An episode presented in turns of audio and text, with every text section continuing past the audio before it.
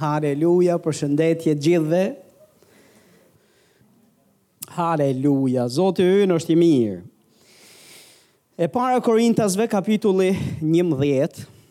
O ati i çmuar në emër të Jezusit, unë ta jap ty lavdinë, ta jap ty nderin.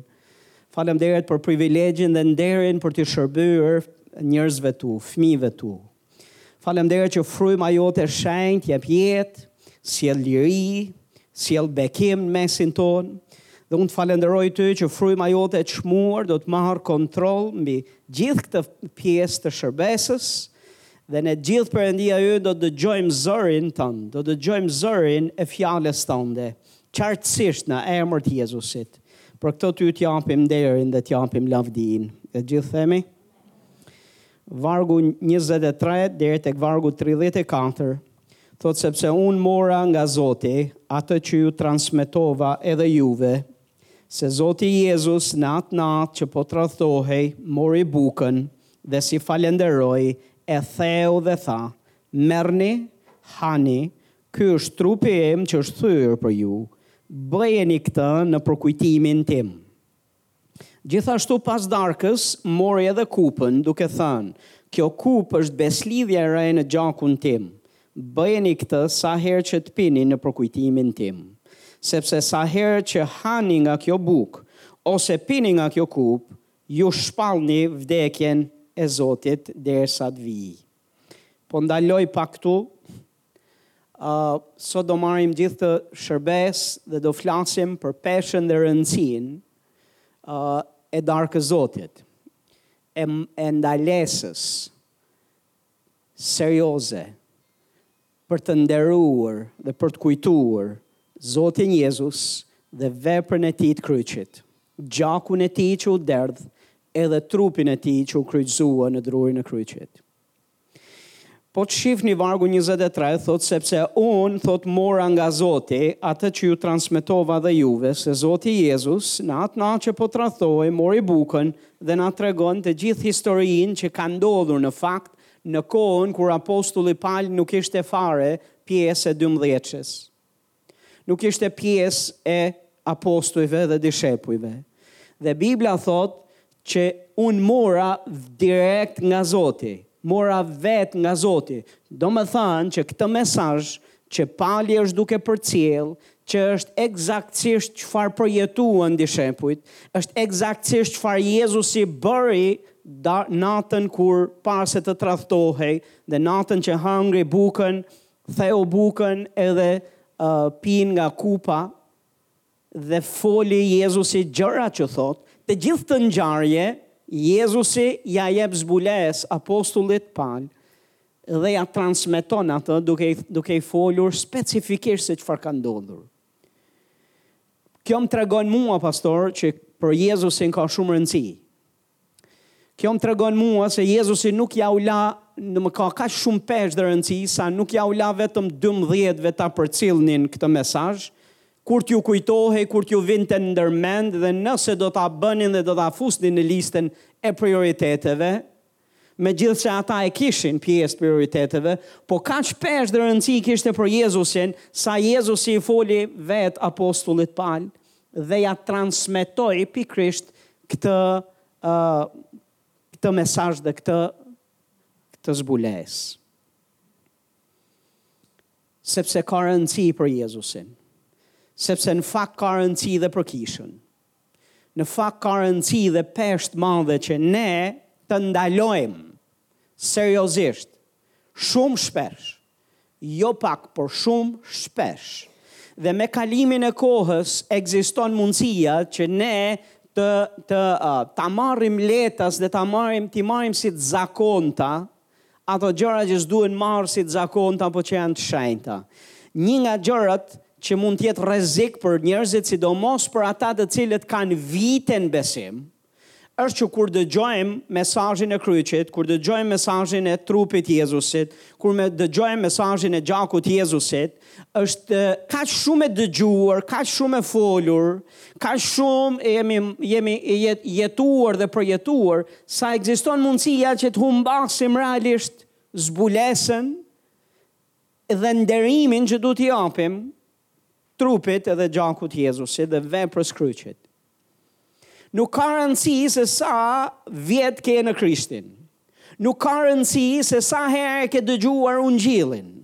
Nuk ka rëndësi se sa herë dhe ku në çfarë pozitash, në çfarë pozitash influence dhe çfarë titulli ke në trupin e Krishtit. Ne gjithmonë duhet të jemi si fëmijë të vegjël kur vjen puna për mesazhin e kryqit, për trupin e Jezusit, për gjakun e çmuar të Jezusit. Dhe atë çfarë ai ka bërë për ne. Dhe duhet t'i japim peshën vle, dhe vlerën që meriton gjatë gjithë kohës. Ne vërtet jemi shpëtuar dhe e njohim ungjillin dhe e përcjellim ungjillin. Po për shkak se njohim ungjillin dhe përcjellim ungjillin, kjo nuk do të thotë që ne s'duhet të ndalojmë dhe të jemi mirënjohës, të ndalojmë dhe të meditojmë meditojmë rreth asaj çfarë Jezusi bëri dhe këtë gjë duhet ta bëjmë shpesh. Çfarë thotë Jezusi? A, Jezusi ja dha këtë mesazh Palit dhe i thotë bëjeni këtë në përkujtimin tim. Le ta themi bashkë, bëje këtë në përkujtimin tim. Edhe një herë bëje këtë në përkujtimin Le ta përsërisim edhe një herë. Bëjeni këtë për përkujtimin tim. Ne mblidhemi shumë shpesh dhe përkujtojmë se çfarë ka bërë i ligu në jetën tonë, çfarë është duke ndodhur me ne, çfarë torturash po kalojmë, çfarë është duke ndodhur, çfarë dëshirash kemi, çfarë nevojash kemi, çfarë hallesh kemi, Dhe në qendër jemi vetë. Dhe kujtojmë, ne e kujtojmë Jezusin, e kujtojmë për çfarë ai ka për të na dhënë naj gjë. Por ky mesazh është duke thënë që hey, duhet ndalojmë dhe ta bëjmë këtë në përkujtimin e kujt. Që do të thotë duhet lejmë një herë veten më një anë. Dhe është kaq bekim për trupin e Krishtit që ta mësojë këtë të vërtetë. Është kaq bekim që kur vimë në shërbesë, kur vimë në kishë, kur jemi duke ecë me Zotin, ne mos kemi veten në qendër të kujtesave tona dhe në qendrën e në qendrën në qendër të zemrës tonë. Në qendër të zemrës tonë duhet të jetë Zoti Jezus. Përpara nevojave tona, përpara halleve tona, përpara çdo gjëje që është duke ndodhur rreth rrotull nesh. Në qendër duhet të jetë ai dhe ne duhet të mësojmë të ndalojmë qëllimisht të lëmë më një anë veten, të lëmë më një anë veten, të lëmë më një anë thashë, a dëshirat, nevojat, hallet, problemet që kemi dhe të ndalojmë e të përkujtojmë Zotin Jezus. Edhe në mes të atyre kushteve, Edhe në mes të të dalim të dalim nga vetja dhe të hyjmë të hyjmë në këtë ë në këtë event të shenjtë. Dhe realisht të ndalojmë dhe të përkujtojmë Zotin Jezus. Të përkujtojmë trupin e tij, të përkujtojmë gjakun e tij, të përkujtojmë veprën e kryqit. Dikush thotë amen. Vargjet më poshtë na thonë, prandaj thotë ai që ha nga kjo bukë, vargu 27 dhe ose pi nga kjo kupë e Zotit padenjësisht, do të jetë fajtor i trupit edhe i gjakut Jezusit. Që do të thotë nuk mjaftokan vetëm fajet që ne bëjmë për gjëra tjera, po në qoftë se edhe pike padenjësisht, nga kjo kupë, thotë dhe ha nga kjo bukë padenjësisht, çfarë ndodhka? Thotë do të jesh fajtor i trupit edhe i gjakut të Zotit. Nënvizoni pak fjalën padenjësisht, është duke folur për padenjësinë ose denjësinë. Dhe do të flas pak për këto.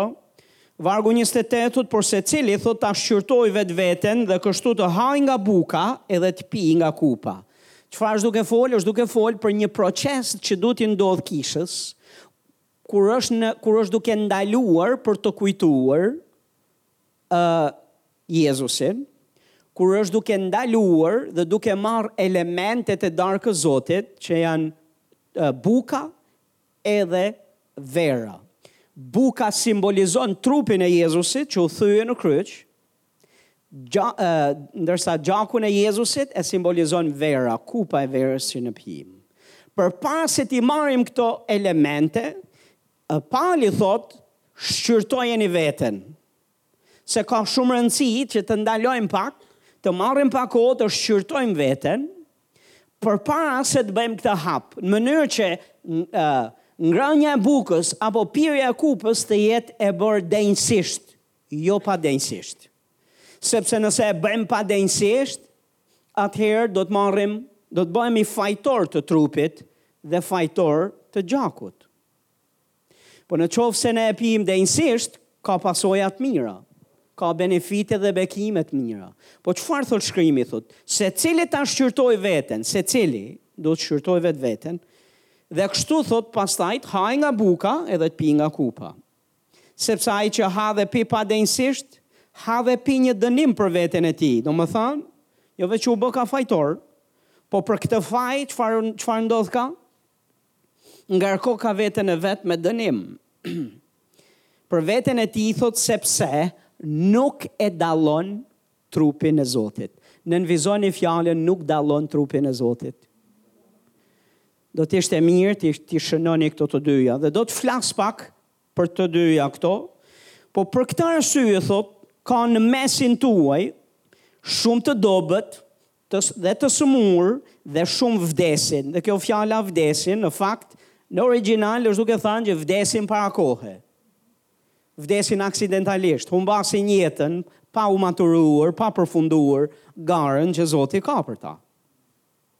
Dhe nuk na thotë pak Por thotë për këtë arsye, domethënë kjo qenka një arsye e fortë, që do të thotë ne duhet të shqyrtojmë, të thellohemi pak, të rë, rrëmojmë pak te kjo e vërtetë, sepse ne nuk do donim që shumë të jenë të tillë në mesin tonë.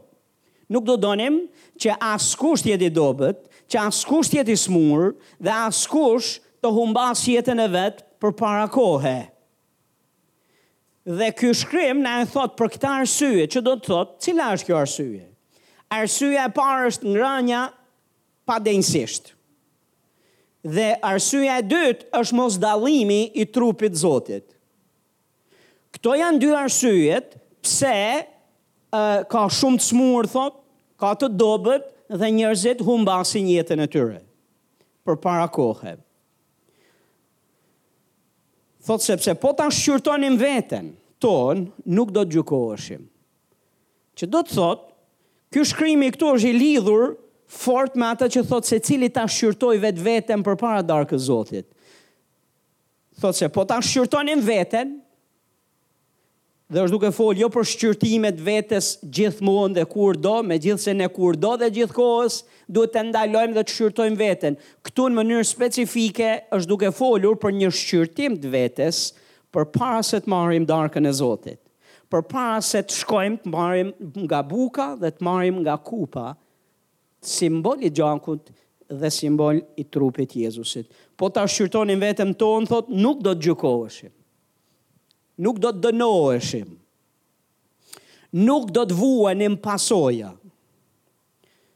Prandaj o vëllezër, thotë, të mi, kur mblidheni për të ngranë, pritni njëri-tjetrin, dhe në qoftë se dikush ka uri, le të hajë në shpi, dhe të mos mblidheni për dënim, dhe gjërat e tjera, kur të vij, do t'i rregulloj.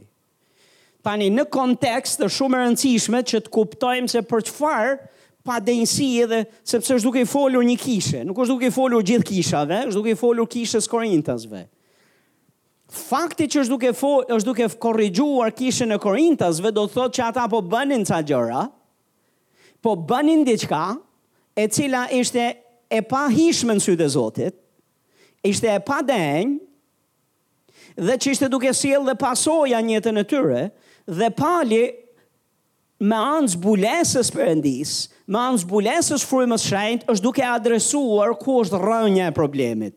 Dhe është duke thënë që, hej, ju, kur jeni përpara gjakut Jezusit dhe përpara trupit Jezusit, nuk pini dhe nuk merrni denjësisht, nuk e shqyrtoni veten tuaj fillimisht, dhe pastaj të merrni prej saj, sepse dhe nuk e dalloni trupin e Zotit.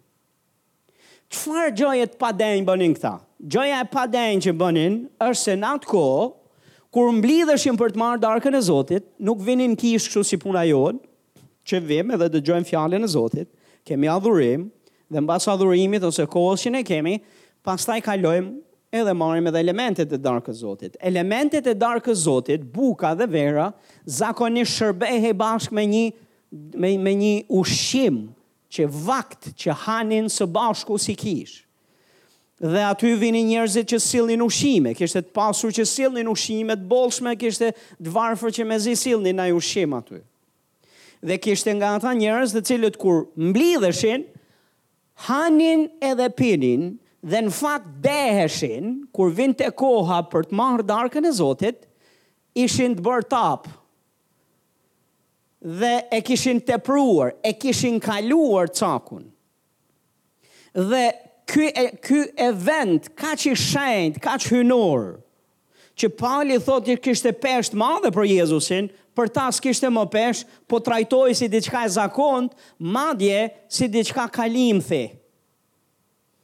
Dhe nuk po ndalonin realisht për të Për të dalluar, nuk po ndalonin vërtet për t'i dhënë, ë, për t'i dhënë vëmendjen e duhur dhe të denjë pikërisht këtij, kësaj ngjarje të shenjtë, kësaj, ë, kohe të shenjtë përpara Zotit.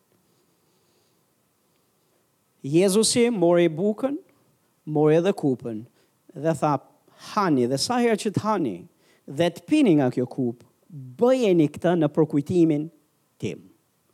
që do të thotë ne duhet ta shqyrtojmë veten tonë fillimisht, a jemi duke e bërë këtë në përkujtimin e Jezusit? A jemi duke e bërë këtë në përkujtimin e sakrificës kryqit, e trupit që u thye në kryq, edhe gjakut që u derdh në kryq. Tani në kishën tonë, njerëz të Zotit, dhe në kishën e sotme, paktën këtë modernen në cilën ne njohim, Nuk është më i njëjti rrezik siç ishte i asaj kishës korintasve, sepse s'para hahet dhe pihet dhe ka mundësi që të dehemi edhe pastaj të kalojmë tek elementet e darkës Zotit. Por dua që të flas për disa prej këtyre gjërave dhe dua të marr uh, dua të marr pak kohë Dhe të shohim disa gjëra të cilat unë besoj që janë ë janë të denja për ne që të ndalojmë për të shqyrtuar veten tonë përpara se të marrim darkën e Zotit, në mënyrë që darka e Zotit mos merret padenjësisht dhe mos merret si gjë e zakontë, po si gjë e shenjtë. Dhe dua të ndaloj pak se a marrim nga buka dhe a pimë nga kupa që është simboli i gjakut dhe trupit Jezusit denjësisht. Unë kam bërë nja katër pytje, të cilat edhe i shoh edhe në shkrime, dhe në qoftë se përgjigja jonë ë çalon në këto gjëra, unë besoj se ne duhet të shqyrtojmë veten, të pastrojmë veten tonë Para se të marrim darkën e Zotit, përpara se të kujtojmë realisht gjakun e Jezusit dhe trupin e Jezusit. A, gjoja e parë është, pytja e parë është, a jetojmë për vullnetin tonë, apo për vullnetin, apo jetojmë për vullnetin tonë dhe jetën tonë, apo për Perëndinë. Është pyetje kjo. Apo jetojmë? Këto janë kur shqyrtoni veten, këto janë nga ato pyetje që do ju do ju thoja bëjani vetes. A je duke jetuar për vullnetin tënd dhe jetën tënde apo për vullnetin e Perëndisë? Sepse ekziston mundësia të jetosh për veten tënde dhe për vullnetin tënd dhe do që Perëndia të ta bekojë jetën dhe vullnetin tënd dhe do që Perëndia të të vijë mbrapa edhe të të bekojë ty sa herë që ti ke nevojë dhe sa herë që ti ke dëshira, kur në fakt duhet të jetë komplet e kundërta për ne. Ne jemi për të bërë vullnetin e Zotit dhe ne jemi për të shkuar mbrapa Perëndisë, jo Perëndia ne.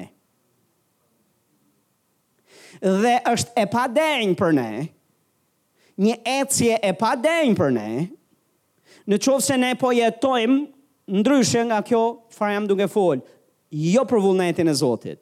është një ecje e padenjë dhe do t'ishte po aq e padenjë që ne të kujtojmë trupin dhe gjakun e Jezusit i cili në fakt u derdh edhe u thye në drurin e kryqit në mënyrë që ti të shpengoheshe nga mënyra jote e kotë e të jetuarit. Se ka një mënyrë të kotë të jetuari dhe ka një mënyrë të bekuar të jetuari. Nëse jetojmë për Perëndinë, është mënyrë e denjë.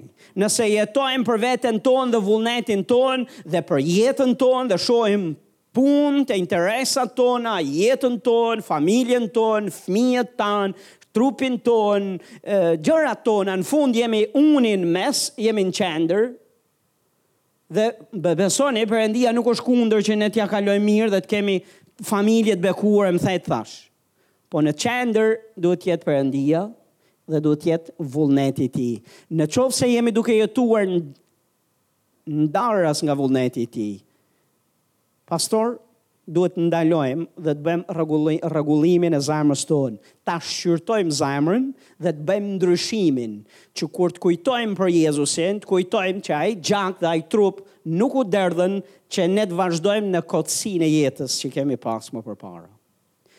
Njerëz të Zotit duhet të ketë ndryshim mes kishës, mes fëmijëve të Zotit dhe njerëzve të botës. Është absolutisht e patolerueshme dhe e palejueshme dhe anormale që kisha të jetë njësoj si bota, njësoj si njerëzit e pashpëtuar, Jo jo jo jo, kur njerëzit janë të shpëtuar, realisht do shihet, do shihet në sjellje, në vepra, në motive, në pamje, në paraqitje, në vendimmarrje, si e jetojnë jetën. Sepse nga ajo ditë e mbrapa, ti ke vdekur për veten tënde dhe jeta jote s'të takon më, jeta jote është bërë e Perëndisë dhe ti duhet ta jetosh jetën për të. Jo si duket ty e drejtë në sytë e tu, po si i duket Perëndisë e drejtë në sytë e Tij. Dhe nëse jeta jote bjen ndesh me vullnetin e Tij, kush duhet të ndryshojë nuk është Perëndia, kush duhet të ndryshojë jemi ne.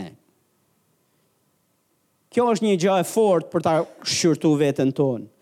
Një gjë tjetër që është shumë e rëndësishme, një pyetje tjetër është, a jetojmë në mëkat edhe në kundërshtim me fjalën e Zotit? Jo çdo mëkat, se shumë herë e kam thënë për njerëzit, uh, sot vetëm një jetë imorale, sjellje imorale, seksuale, ato quhen shumë herë në mendjen e tyre tabu dhe duket sikur kjo, ky është mëkati. Por në fakt mëkati është të bësh atë që është e kundërt me fjallën e Zotit. të bësh atë çfarë është e kundërt. Nuk është e thënë patjetër që të jenë këto lloj mëkatesh, megjithëse edhe këto mëkate përfshihen. Po ka mëkate e mëkate. Dhe mëkat është të jetosh në kundërshtim me fjalën e shkruar të Zotit. Ju adresuam pak më herët dhe po flisnim që nuk ka rëndësi se kush flet nga podiumi a nën podium. A si e ka emrin ai që është duke folur. Në qoftë se Ti e ke të zezë në të bardhë, që shkruhet në Fjalën e Zotit një gjë, Ti, ajo duhet të jetë autoriteti yt dhe imi. Pikë. Askush tjetër nuk duhet dëgjuar dhe lejuar që të që të ketë aq peshë sa të diskutohet mes fjalës shkruar dhe një opinioni njeriu. Apo opinioni engjëjsh. Fjala e shkruar e Zotit, Fjala e Perëndisë, duhet nderuar dhe duhet parë si autoriteti ynë. A jeton jetën në përputhje me Fjalën? A jeton jetën tënde në përputhje me Fjalën apo je duke jetuar në mëkat? Çfarë na thotë shkrimi, Hebrenjve katër, dymbëdhjetë, Fjala e Perëndisë është e gjallë dhe vepruese, Më e mprehtë se çdo shpatë me dy tehe, depërton deri në ndarjen e shpirtit dhe të frymës, të nyjeve dhe të palcave, dhe është në gjendje të gjykojë mendimet dhe dëshirat e zemrës. Është frymëzuar nga fryma e shenjtë, i gjithë shkrimi, nga zanafilla deri tek zbulesa. Është Fjala e Zotit e pakorruptueshme, nuk i mungon absolutisht asgjë. Nuk ka nevojë as t'i shtohet e nuk ka nevojë as t'i hiqet. Ka gjitha përgjigjet e jetës që ty dhe mua të duhen, që kishës Zotit i duhen për të jetuar sipas standardeve dhe jetës që Ai ka për ne. Dhe Fjala e Zotit ka pafund shkrime. Po nuk e ka lënë veten e vet dhe doktrinën e vet pa dy, tre shkrime si dëshmitar të fuqishëm. të vetë shkrimit, vetë fjalës vet. Nuk ka nevojë për interpretime të veçanta të skutave dhe nuk ka nevojë askush që të hiqet sikur ka zbulesa të mbinatyrshme për gjëra të cilat janë shkruar në fjalë. Gjithashtu ju kam folur që kur vjen puna për fjalën e Zotit, ne nuk kemi fare të drejtën që të shkojmë dhe të lutemi në lutje me idenë që Perëndia të ndryshojë apo ta pyesim dhe t'i themi Zot, ë, çfarë mendon ti? Perëndia çfarë mendon nëse e ka thënë të shkruar? Atëherë e ka dhënë fjalën e vet, e ka dhënë mendimin e vet. Dhe çdo lloj pyetje tjetër, dhe çdo lloj diskutimi, sigurisht ka raste kur Perëndia do të të flasë dhe do të thotë hesht, del nga kjo lloj lutje, se kjo lutje nuk është e perëndishme dhe nuk është sipas vullnetit tim. Po do ketë plot raste kur Zoti nuk do të të flasë fare, Siç vijnë herë mbas here, disa prej jush dhe pyesni dhe thoni, Perëndia nuk është duke më folur. Unë po lutem, po Perëndia nuk është duke më folur. Ekziston mundësia se je duke bërë të kundërtën e asaj çfarë ti di se është shkruar. Dhe kur ti bën gjënë që është në kundërshtim me atë çfarë është shkruar, Perëndia nuk do të të flasë. Çfarë pret të të flasë? Të ka folur tashmë. Ai na ka folur në shkrimin e shenjtë. Dhe nuk ka nevojë për interpretime të veçanta, shumë e habitshme se si besimtarët tolerojmë herë mbas here të ecim majave dhe anëve, hijeve. Fjala e Zotit na thotë për Perëndinë që Perëndia çdo dhuratë e përsosur vjen prej së larti, prej Atit të dritave, pranë të cilit nuk ka hije ndryshimi dhe ndrrimi, as hije Nuk ka hije ndryshimi dhe ndrrimi. Fjala e Zotit e ka bërë veten të qartë. Vullneti i Zotit e ka veten, e ka qartësisht, ë, është i qartë në Shkrime.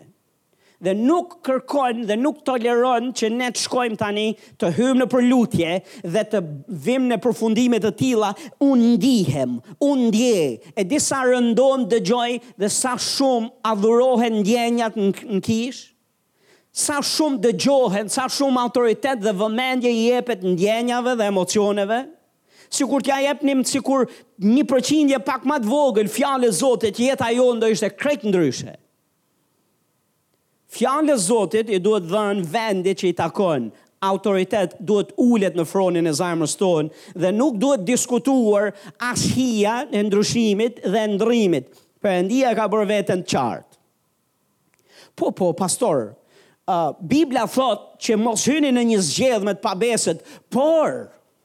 Kjo është për të gjithë kishën, po disi për atë i cili do që të bëjë atë që është e kundërta me këtë fjalë, disi gjen hije, gjen rrugë, gjen cepa, gjen gjëra të cilat po sikur tjetri të shpëtohet, Heu! Po sikur tjetri të shpëtohet? A thua nuk e ka ditur Perëndia këtë gja? Ka pritur që ti ta të vish ti me këtë përfundim. Perëndia që ka thanë mos hyni në një zgjedhë me të pabesët, do të thotë që e di se çfarë thotë. Çfarë afrie, çfarë uh, harmonie, çfarë lidhje. Te Korintasit Bibla na flet e zeza në të bardhë për lidhje me jo besimtarë. Po, po, pastor, uh, ai erdhi në shpëtim? Se në fillim, erdhi mbas meje, po pak ma vonë u shpëtua. Ok? E çfarë je duke më thanë me këto? Ti do martohesh me një foshnje? Sa prej ju, ju, ju vajza dhe gra, që jeni të pak jeni të maturuara, do thoni që unë e keni ëndërr të martoheni me një foshnje. Ngrejeni dorën, ka ndonji? Po ky foshnja është shumë i bukur, o pastor. Ky foshnja është 30 e ca vjeç, pastor.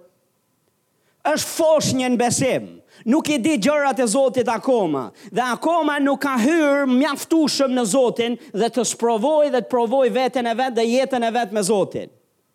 Sa, sa, sa lirë shesim Planin dhe vullnetin e Zotit për jetën tonë. Është e shkruar e zeza në të bardhë, lëri diskutimet, dil nga hijet, dil nga këto ndrrimet, nga këto kornizat e cepet, hyr dhe ec në rrugë. Ec në rrugë. O pastor, po, a nuk është njeri edhe ai, dhe a nuk e do Zoti edhe atë, po sigurisht që e do Zoti, dhe mundet ketë ardhë mbas teje, deri këtu, Po nuk është biznesi dhe plani nuk është përgjegjësia jote që ti të martohesh me të që të shpëtohet ai. Mos e merr këtë përgjegjësi. E di që dikush mund të thotë sakrificë. Pastor, a nuk duhet të sakrifikojmë? Po, pastor, është sakrifikuar Jezusi në drurin e kryqit për të cilin jam duke folur. Dhe atë do të kujtojmë dhe nëse atij, a kushdo asaj, nuk i mjafton, Sakrifica e Jezusit e jotja nuk i hyn në punë. Thashë e zeza në të bardhë. Po pse e diskutojmë pastor? Mbaj mend dhe nuk e harroj.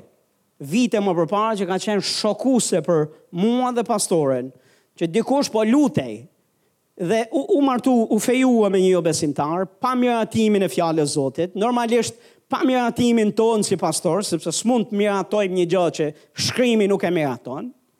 Jo se nuk duam individin, fakt e duam. Dhe individit zakonisht në kushte të tilla i duket sikur e, nuk e do kush. Sikur nuk e kuptojnë. Pse sepse pse sepse nuk i pëlqen që të ë që të bjerë ndesh me vullnetin e vet. Dhe aq ma tepër kur ngatrrimet emocion kur hyn ngatrresat emocionale në mes, hajde ta zgjidhësh këtë lloj lamshi. Dhe mbaj mend që u bë kjo fejesë, dhe mbasi u bë fejesa, dëgjojmë që kishte dik motra thotë unë ne jemi lutur ka dy vjet që jemi lutur për këtë situatë dhe për këtë çështje dhe ne ndjejmë paqe në zemrën tonë. Motër, ti ndjen paqe këmbësh në zemrën tënde, po paqen e Biblës jo. Paqen e Zotit, jo!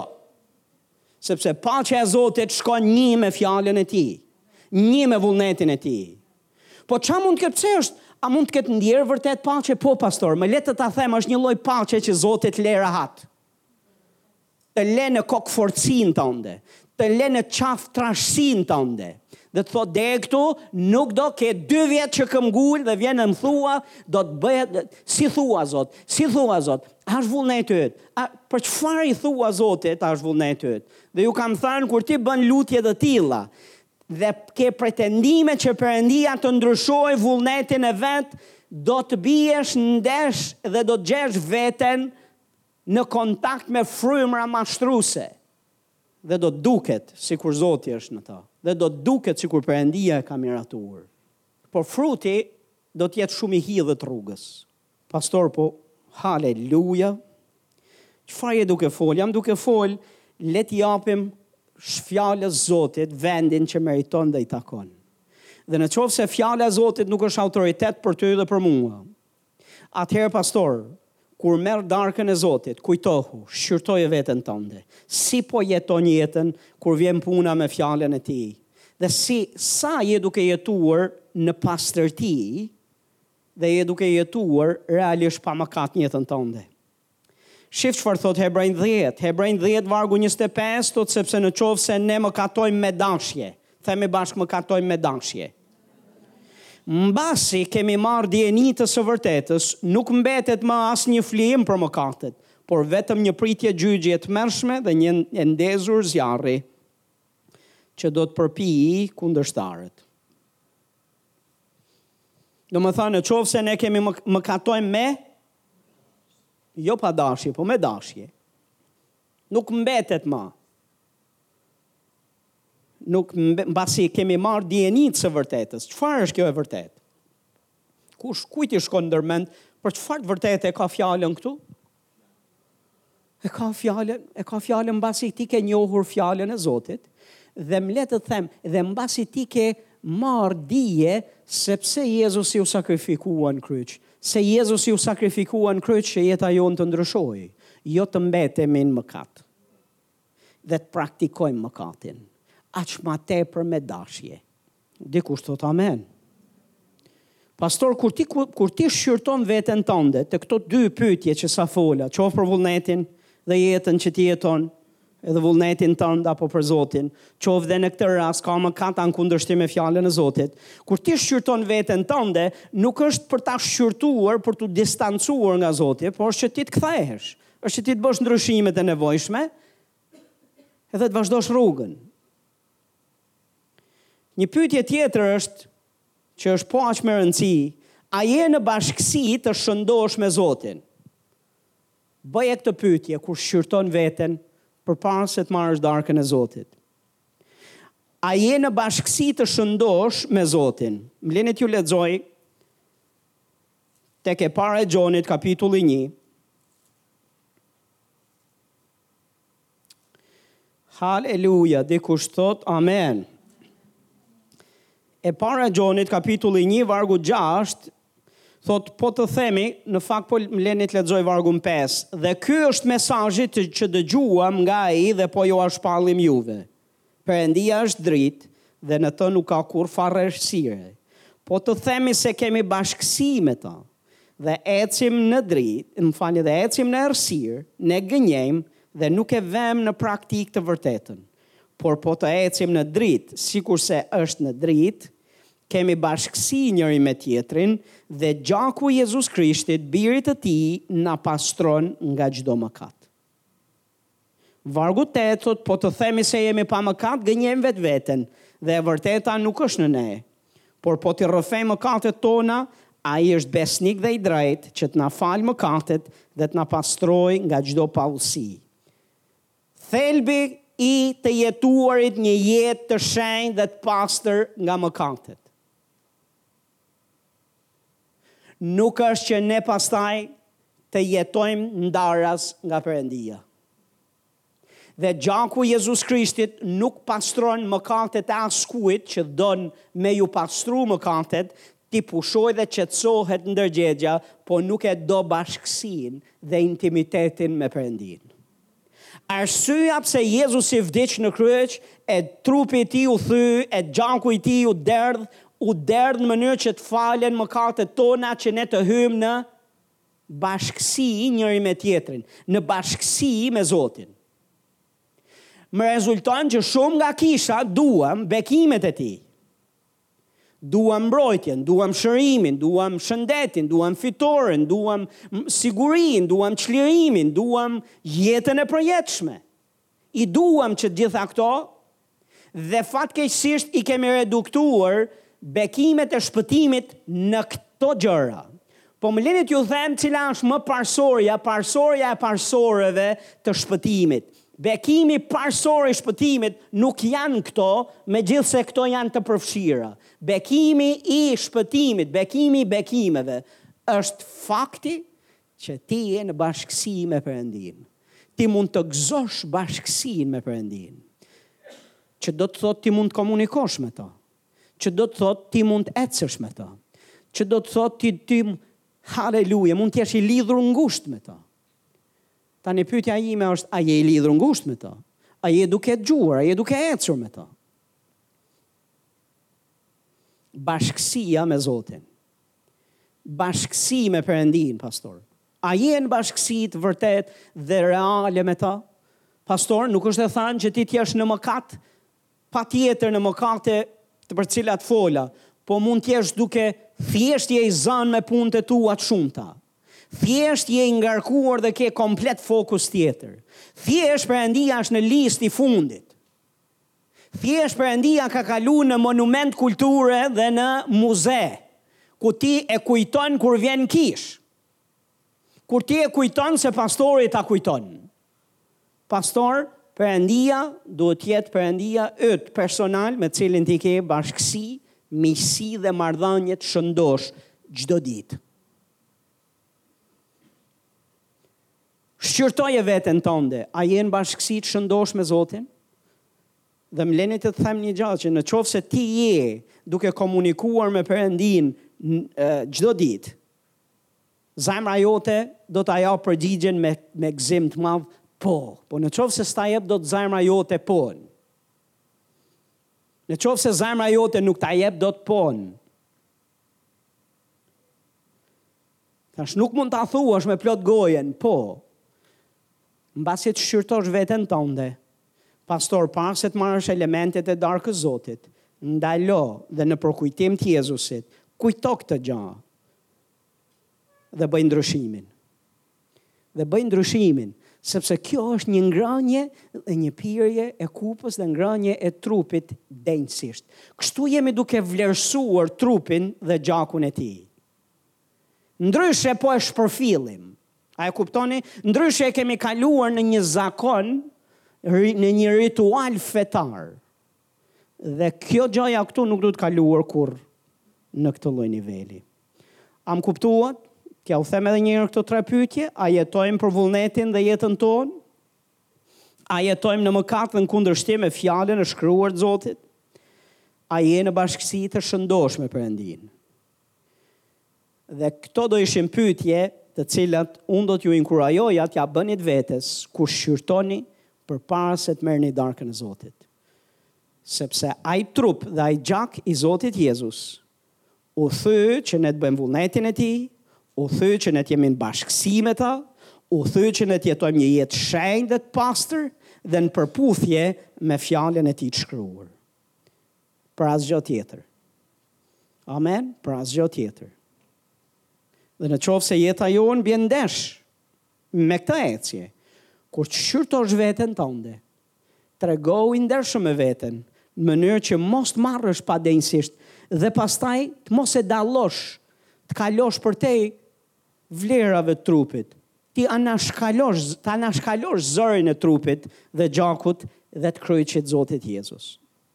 T'lutem mos anashkalo atë zë, po ndaloje dhe jepu përgjigje. Dhe këtë gjë duhet ta bëjmë shpesh si kishë. Këtë gjë duhet ta bësh shpesh ë uh, si besimtar, edhe kur s'je në takim kishe, mund ta bësh në shtëpi, mund ta bësh me fëmijët tu, mund ta bësh me gruan tënde, mund ta bësh me veten tënde. Të thysh bukën, ta, ta vesh në tavolinë me gjithë kupën dhe dhe të ndalosh pak. Dhe të shqyrtosh pak veten. Kupa edhe ë, trupi ose buka janë bukë bekimi dhe janë kupë bekimi në fakt. Nuk janë për të na trishtuar ne. Jo, në fakt janë për të na bekuar ne, po na bekojnë kur ne jetojmë denjësisht. Haleluja! Kur ne shqyrtojmë veten dhe hamë denjësisht. Gjëja e dytë që dua të ndaloj sot është dallimi i trupit të Zotit. Le të themi bashkë, dallimi i trupit të Zotit. Dallimi i trupit të Zotit. Çfarë thotë shkrimi? Thotë që për këtë arsye Ka shumë në mesin tuaj që janë të dobët, që janë të smurë edhe që vdesin, do e thoja vdesin para kohe.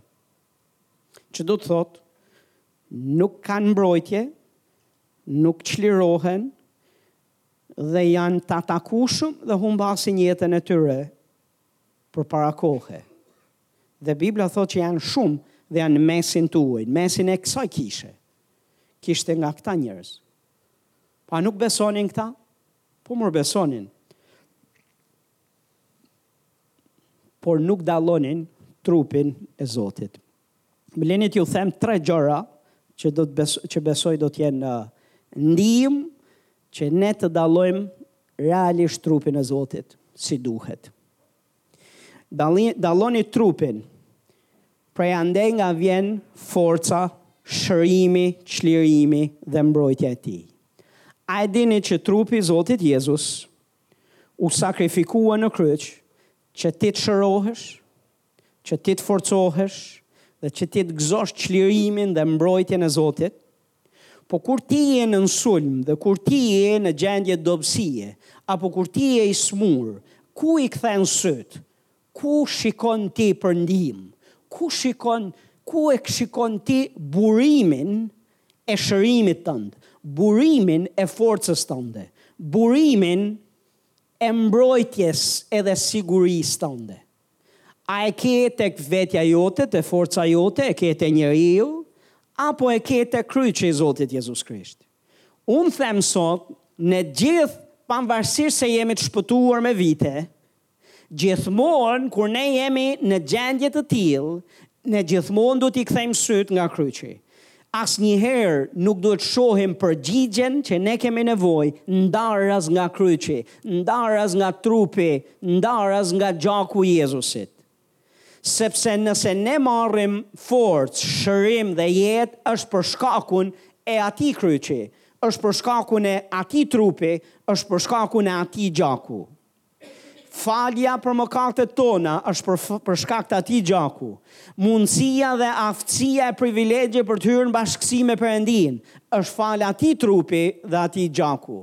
Mundësia për të qenë të shëndetshëm dhe të shëruar është falë atij trupi dhe atij gjaku, jo ndaras prej tij.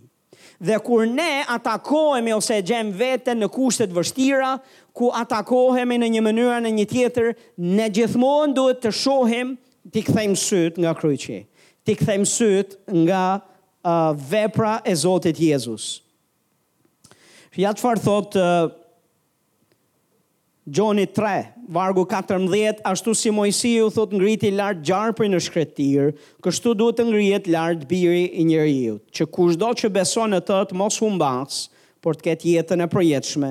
Sepse Perëndia aq shumë e deshi botën sa dha Birin e tij të vetëmlindurin, që kushdo që beson në të të mos humbasë, por të ketë jetë të përjetshme. Perëndia nuk e dërgoi Birin e Tij në botë që ta dënojë botën, por që bota të shpëtohet prej tij. Dikush thotë amen. Kryqi flet. Kryqi dhe trupi i Jezusit në atë kryq, e gjaku i tij i derdhur, është vepra e dashurisë Perëndisë dhe është vepra e bekimit Zotit për gjithë botën dhe për gjithë ne. Në Testamentin e Vjetër na flitet për këtë rastin që flet dhe ashtu si Moisiu ngriti lart gjarprin në shkretirë, vetë Jezusi krahasoi ngritjen e vet në atë kryq me ngritjen e gjarprit në shkretirë. Dhe po të shikoni do ta gjeni tek Numrat 21 vargu 5 deri tek vargjet vargu 9 do shihni këtë histori që i referohet Jezusi vetë. Dhe ne te vargu pesë thotë populli pra foli kundër Perëndisë dhe kundër Mojsiut. Në fakt nuk thotë dhe kundër Mojsiut, se thotë vetëm foli kundër Perëndisë, kundër Mojsiut. Duke thanë, pse na nxorët nga Egjipti që të vdesim në këtë shkretirë, sepse këtu nuk ka as bukë, as ujë, na vjen neveri për këtë ushqim të keq. Thotë atëherë, Ne shohim që dalin gjarprinj flakërues, të cilët kafshonin njerëzit dhe njerëzit të cilët kafshoheshin prej këtyre gjarprinjve vdisnin masivisht. Me thënë, imagjinoni pak në shkretirë, në tenda, të shohësh që ke gjarprinj të cilët hyjnë gjithandej.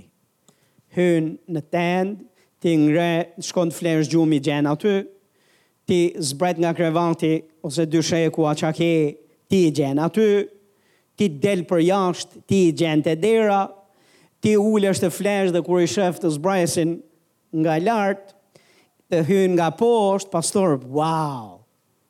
Pastor ishte bërë realisht problem dhe këto nuk ishin gjarprinj dosido, po njerëzit po vdisnin masivisht. Dhe kur iu lutën Perëndisë, meqë ra fjala, çfarë i solli gjithë këtë problem është goja.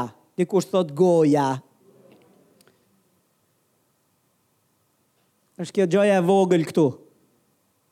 Sepse thotë Bibla thotë u ankuan dhe folën kundër kundër Perëndisë, kundër Moisiut, dhe kjo e folur solli këtë lloj pasoje.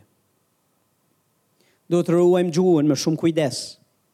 Ta ruajmë se pushteti i jetës dhe vdekjes është në gjuhë dhe pastor, a, ne nuk do gabonim nëse nuk gabojmë në të folur. Dhe duhet të ruajmë veten tonë në si flasim. Sepse e folura jonë mund të hapë qiellin, po e folura jonë mund të hapë ferrin gjithashtu. E folura jonë, dhe jo, e folura jonë duhet të jetë në përputhje me vullnetin e Zotit edhe zemrën e tij. Gjithsesi kjo ishte ekstra, për ata të cilët kishin nevojë për pak kontroll, dhe kishin nevojë për pak qepje, Haleluja, na bën mirë.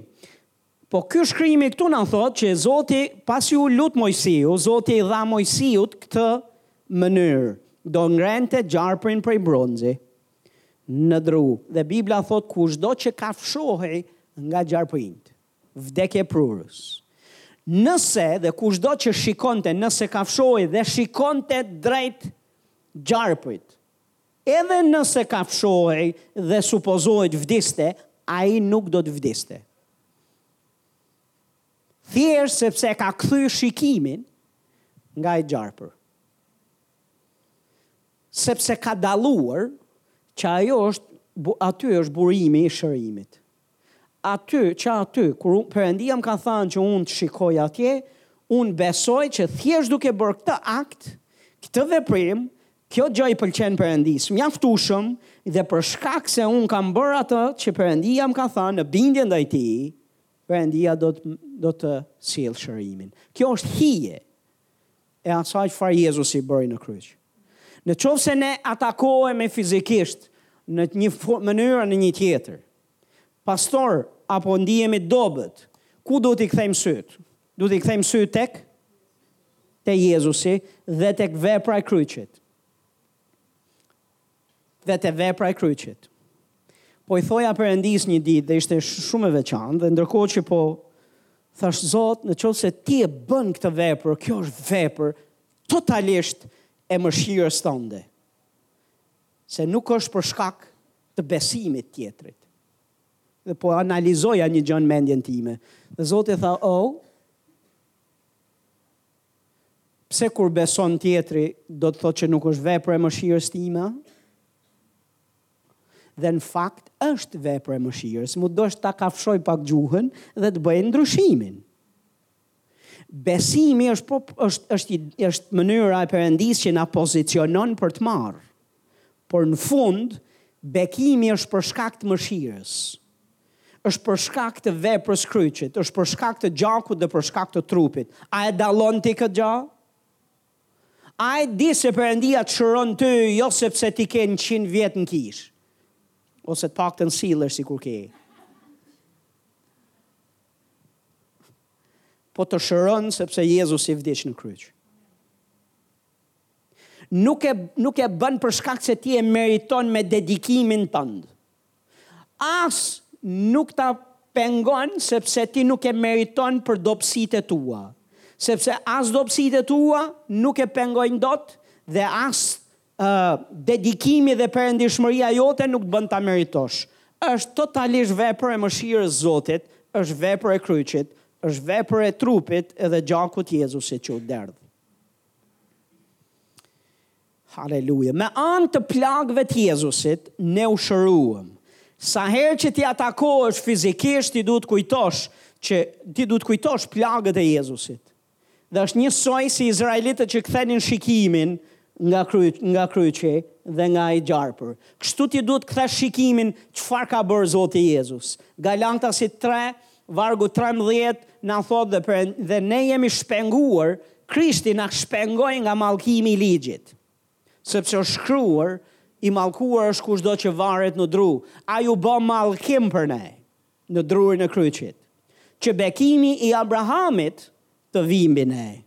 Domethënë që bekimi i Abrahamit e i Perëndisë të vijë mbi ne është falë kryqit, është falë Jezusit. Dhe atë ne duhet të kujtojmë. Ne jemi të shpenguar nga mallkimi i ligjit. Jo, ne nuk i përkasim të ligut. Jo, ne nuk i përkasim jetës së vjetër. Ne nuk i përkasim ferrit. Ne nuk i përkasim, thashë të ligut. Ne i përkasim Perëndisë. Dhe kjo është për shkak të Jezusit dhe sakrificës së kryqit.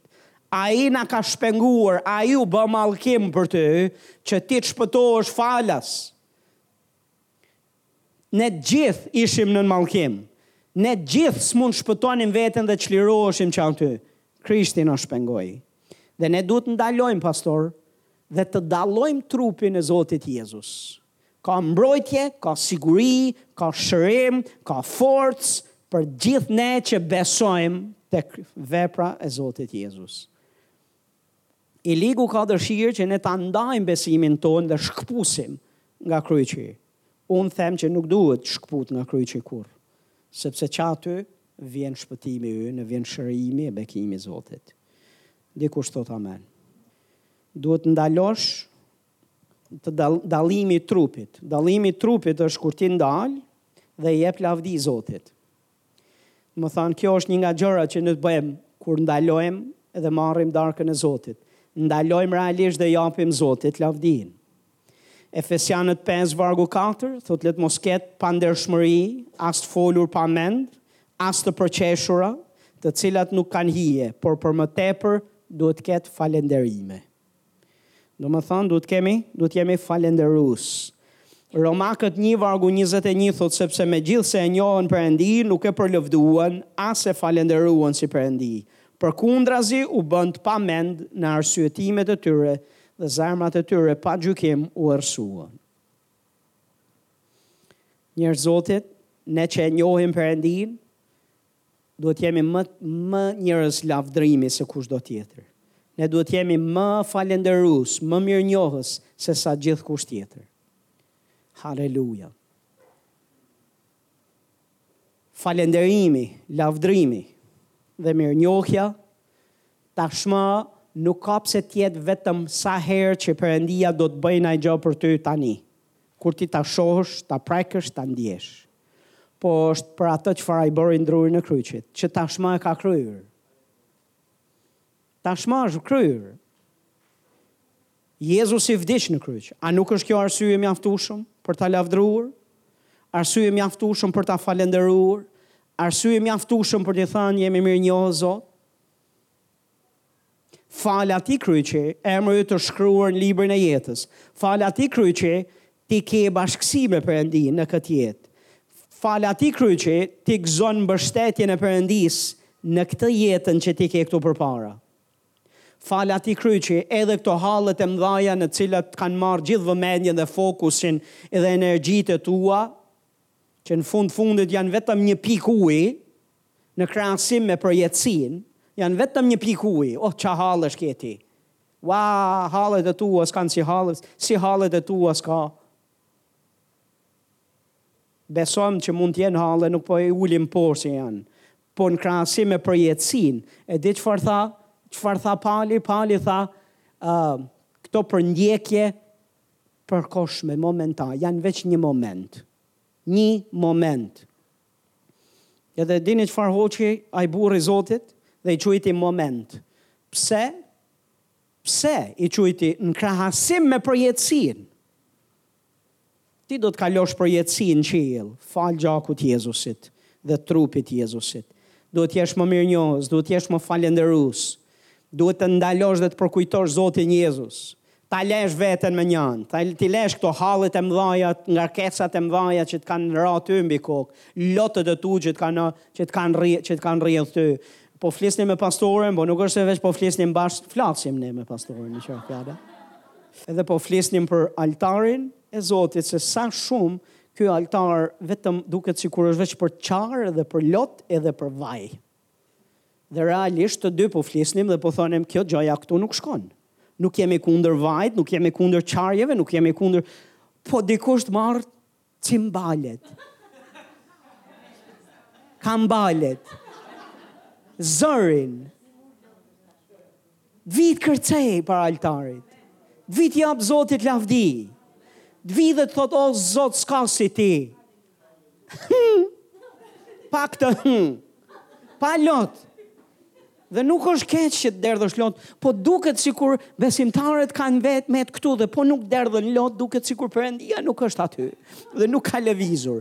Besomëni Perëndia është aty kur ti qesh, e gëzohesh, lumturohesh, hidhesh përpjetë edhe kërcen për Zotin dhe i thua Zot kam ardhë për të sjell ty një Ofertë falënderimi, ofertë lavdërimi, të dua Ty, o haleluja, në mes të halleve të mia, në pikë të hallit, Ti e di Zot se çfarë hallesh kam, mendërisht, emocionalisht, familjarisht, financiarisht, shëndetërisht, nga të gjitha llojet e anëve jam i rrethuar, po Zot, sot du t'i lë të gjitha, kam ardhur që të të jap Ty lavdi dhe nder për çfarë ke bërë Ti n'drurin e kryqit, për gjitha hallet e mia. Oh, haleluja! E i ligu do të shohë dhe thotë, s'ka, s'ka kuptim kjo. Ka kuptim se Zoti hyn n'skenë. Dhe i ligu do të largohet. Haleluja! Haleluja! Libri i vajtimeve është shkruar nga Jeremia. Nuk kemi nevojë ta shkruajmë ne. Hmm? Kapituj s'ka nevojë. Jemi dakord. Dhe besomëni nuk po i heqim asgjëje, lotëve t'sinqerta dhe të nevojshme kur janë për të për t'u sjellë te altari i Zotit, sepse duhen sjellë edhe ato. Po është anormale kur vijnë veç ato. A a më kuptoni? Është anormale kur janë veç ato. Dikush thotë Haleluja.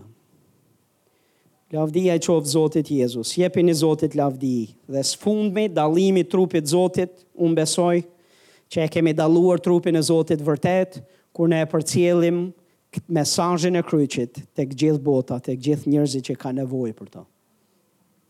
Dhe kur përkujtojmë Jezusin, duhet ta përkujtojmë atë për këto arsye. Duhet ta përkujtojmë se për shkakun e tij ne kemi gjithë bekimet e qiellit. Duhet ta përkujtojmë, do të thotë të ndalojmë dhe t'i japim lavdi dhe nder për çfarë ka bërë për ne. Çfarë duhet të bëjmë tjetër nëse e dallojmë vërtet është që të predikojmë Ungjillin. Romakët një gjashtëmbëdhjetë Pali thotë në fakt unë nuk kam turp për Ungjillin e Krishtit, sepse është fuqia e Perëndisë për shpëtimin e cilitdo që beson, më parë Judeut dhe pastaj Grekut, që do të thotë ai s'pati turp për Ungjillin, por e shpalli Ungjillin ndër Grekë e ndër Judenj. Tek e para e Korintasve dy thotë dhe unë o vëllezër kur erdha te ju nuk erdha me shkëlqim fjalësh a diturie që t'ju shpall dëshminë e Perëndisë, sepse vendosa, le të themi bashkë, sepse vendosa, dhe ky burrë i Zotit që vendosi, besomëni kishte fjalë boll, kishte plot tema Edhe gjëra me cilat mund të fliste dhe të merrej. Ndaloi, vendosa thotë që të mos di tjetër gjë ndër ju përveçse Jezus Krishtit dhe atë të kryqëzuar. Dhe fjala dhe predikimi im thotë nuk u bënë me fjalë mbushamendëse nga dituria njerëzore, por në dëftim të frymës edhe të fuqisë, që besimi juaj të mos qëndrojë mbi diturinë njerëzish, por mbi fuqinë e Perëndisë. Që do të thotë, është duke i folur kishës. Dhe Kishë e Zotit, Kisha ka nevojë të mbështetet në fuqinë e Zotit, të mbështetet në fuqinë e demonstruar të frymës, dhe de, fryma e demonstron fuqinë, kurdo që predikohet Krishti dhe kurdo që predikohet ai i kryqëzuar. Këtë tha Pali vendosa unë. Këtë predikova dhe këtë do të predikoj. Dhe këtë, Fryma e Shenjtë tha, këtë do ta konfirmoj me fuqi. Këtë do t'i them gjithëve, që këtu është fuqia e Perëndisë për shpëtimin e cilitdo që beson. Kryqi gjeneron fuqinë e Zotit. Kryqi gjeneron fuqinë e manifestimin e qiellit. Dua më shumë qiell, dua më shumë rizgjim, dua më shumë dhunti, dua më shumë shërime e fuqi të Zotit, kryqi. i gjeneron gjitha. E ne duhet ta shpallim ato në mesin e kishës, po edhe përtej kishës. Si do të besojnë, thotë te Romakët, kur s'ka kush predikon? Si do, si do të dëgjojnë kur s'ka, s'ka prediku, s'ka kush predikon? Dhe si do të predikojnë kur s'i ka dërguar kush, kur s'ka, s'janë të dërguar? Që do të thotë u dashka shpallë ungjilli. Që do të thotë u dashka i dashka dhanë za. Dikush do të zgjedhë të mos ketë turp për ungjillin. Haleluja. Ja kjo është një dallim i trupit. Pastor, ti e dallon trupin kur i jep lavdi Zotit. ti e dallon trupin kur merr nga gjithë bekimet për të cilat ai trup edhe gjaku i Jezusit u derdh në kryq. Ti merr prej saj. Pastor, kur ti e ke shqyrtu veten, në qoftë se gjen veten debitor dhe borxhli ndaj vullnetit të Zotit, ndaj fjalës së Tij, ndaj ecjes së shenjtë me Të, ndaj bashkësisë me Të, gjaku i Jezusit të pastron ty nga çdo mëkat.